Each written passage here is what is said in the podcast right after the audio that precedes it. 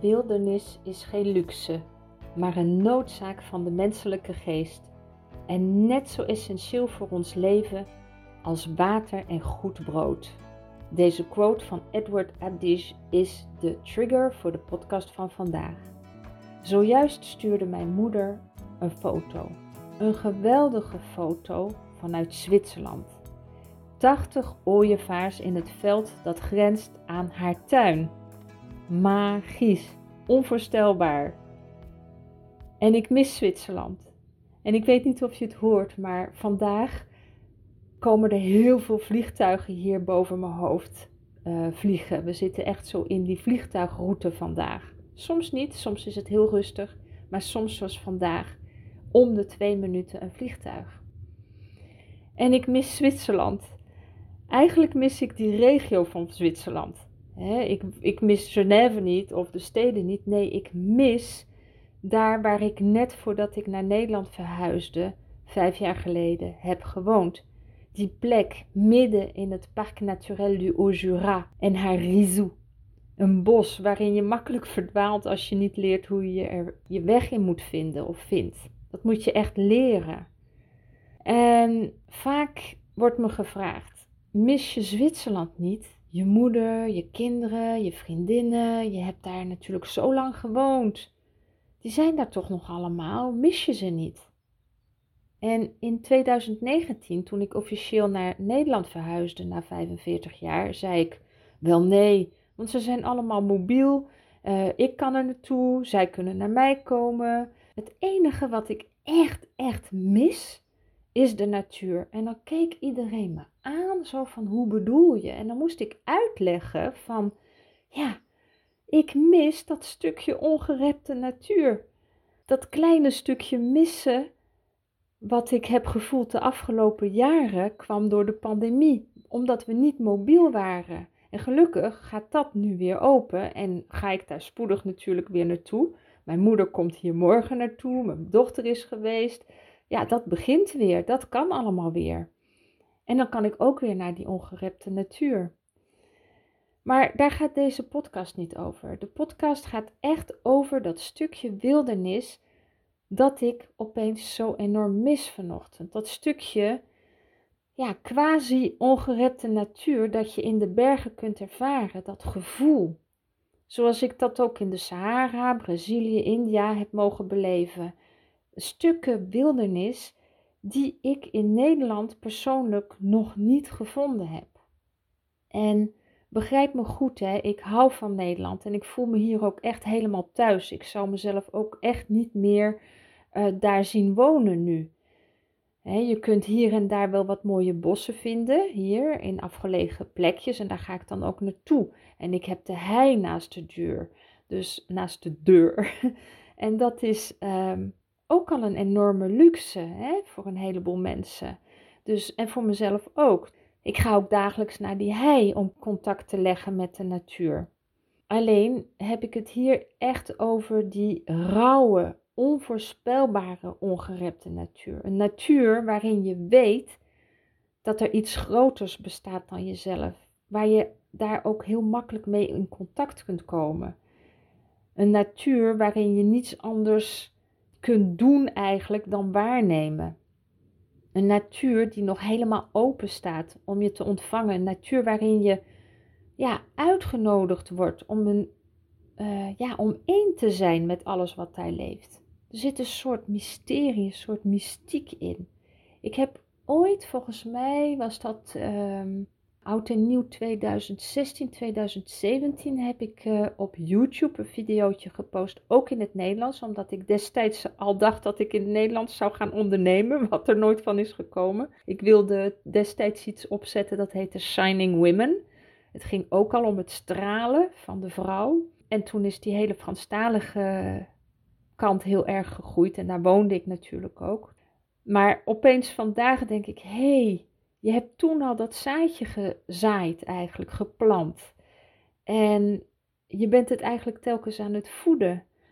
Maar het stukje wat ik aan het voeden ben, is dat wilde. Wat kun je aan wildernis ervaren?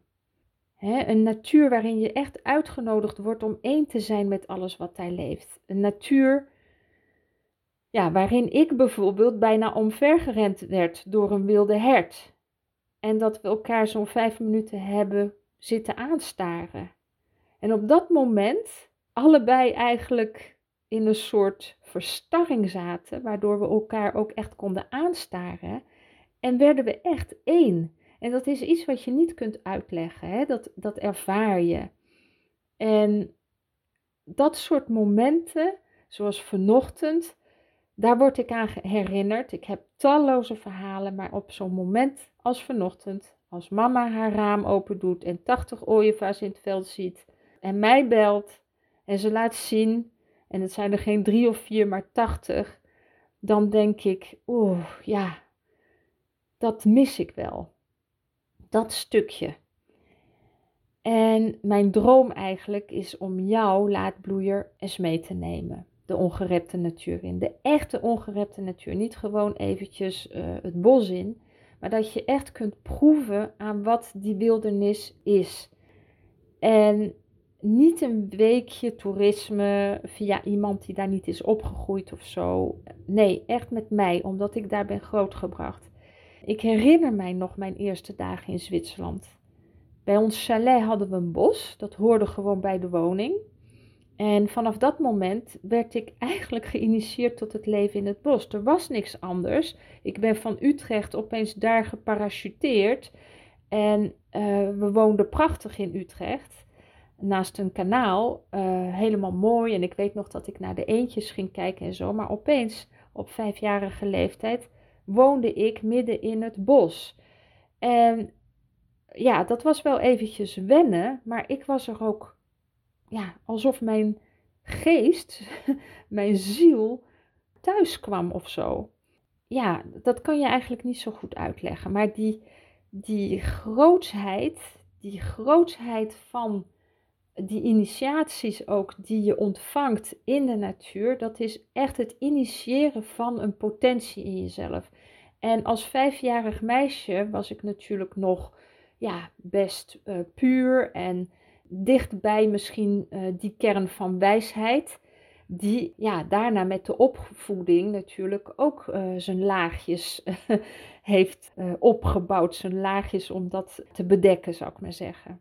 Eigenlijk toen mijn moeder dit vanochtend liet zien en me meenam in dat veld met die ooievaars, toen wist ik ook weer waarom ik doe wat ik allemaal doe al mijn hele leven. Waarom ik op mijn twintigste niet meeging in een multinational waar ik een super geweldige stage heb mogen beleven. Ook nog eens een hele bijzondere stage voor een groot Amerikaans bedrijf. Waarmee ik uh, naar Zuid-Frankrijk ben gereisd drie maanden lang. Was echt geweldig. Alleen ik wist het. Ik voelde, nee Annette, jij hebt iets anders te doen in dit leven. En dat komt omdat ik dat ook in contact had met de natuur. De natuur gaf mij antwoorden op mijn vragen. Op een gegeven moment is het dan tijd om uh, jezelf te verlossen eigenlijk van de keurslijf of het keurslijf van de opvoeding en de onzichtbare corsetten die je misschien nog draagt om daarvan af te komen. En daar heeft de natuur mij enorm mee geholpen en dat kan voor jou ook zo zijn want in ons allemaal schuilt een diepe wijsheid. Ook in jou. Een wijsheid die, pas, ja, die je pas echt hoort als je ongeprikkeld kunt gaan zitten waarnemen. waarin je veilig kunt dalen, omdat je weet dat je gedragen wordt.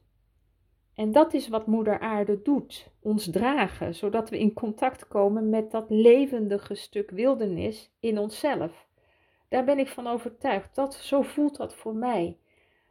Alleen als we daar niet makkelijk contact mee kunnen hebben doordat we corsetten dragen, zou ik maar zeggen, of omdat we het gewoon niet weten.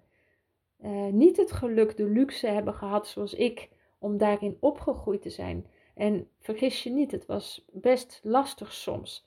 Vooral in de puberteit. Hè? Ik wilde dan naar mijn vriendinnen in de stad en ik zat daar boven op die berg zonder brommer en alles. En dan ging ik wel met mijn fiets naar beneden, maar daarna moest ik ook weer twee uur fietsen naar boven. En ja, het, het, het heeft ook mij gevormd, zou ik maar zeggen, op dat moment.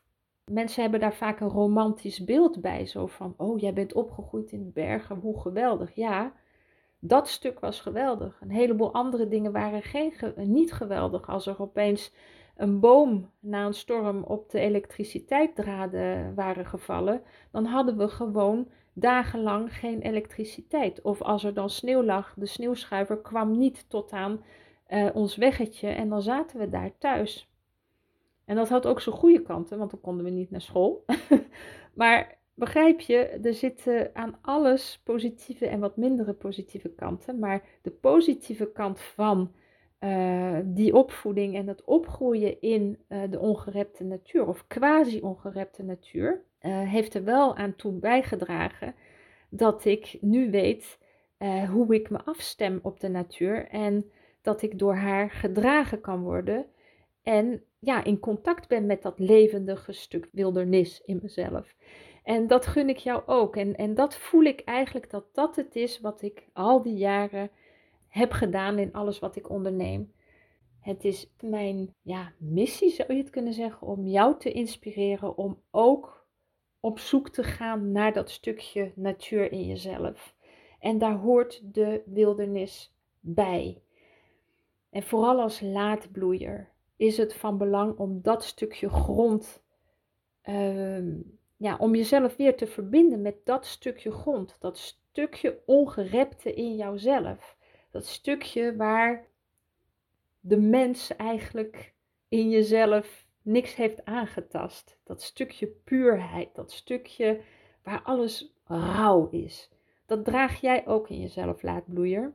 En zoals Edward Abgee in zijn quote zegt: Wildernis is geen luxe, maar een noodzaak van de menselijke geest en net zo essentieel voor ons leven als water en goed brood. En dat voel ik. Ik voel hoe uitgehongerd ik ben na twee jaar zonder echte wildernis. Een wildernis die ik niet hier naar Nederland kan brengen. Ik moet daar naartoe. En dat besef ik mij opeens vanochtend. Voor de hele pandemie stond ik er echt nog niet bij stil. Echt niet. Het hoorde gewoon bij mijn persoonlijke ecologie. En vanochtend begrijp ik jou opeens zoveel beter, laatbloeier in Nederland. Ik zie nu ook ja, waarom je sommige dingen doet, waarom je sommige dingen zegt, waarom je sommige dingen denkt. En ik begrijp nu ook echt veel beter wat jij nodig hebt om die wijsheidsparels te ontdekken. En ja, dat vult mijn hart met vreugde vandaag. Dus uh, blijf me volgen hè? en schrijf je alvast in op de wachtlijst via mijn website, want er komen waardevolle programma's voor je aan. Voor jou als laadbloeier die ook de hele grond, de hele innerlijke aarde, de hele natuur in jezelf wilt verkennen en daarvan uit wilt groeien, bloeien en jezelf wilt ontplooien. En door al die uh, lagen heen jouw wijsheidsparels te ontdekken om die na te laten aan deze wereld. Want die waardevolle parels, die kunnen echt bijdragen aan een mooiere wereld. À demain.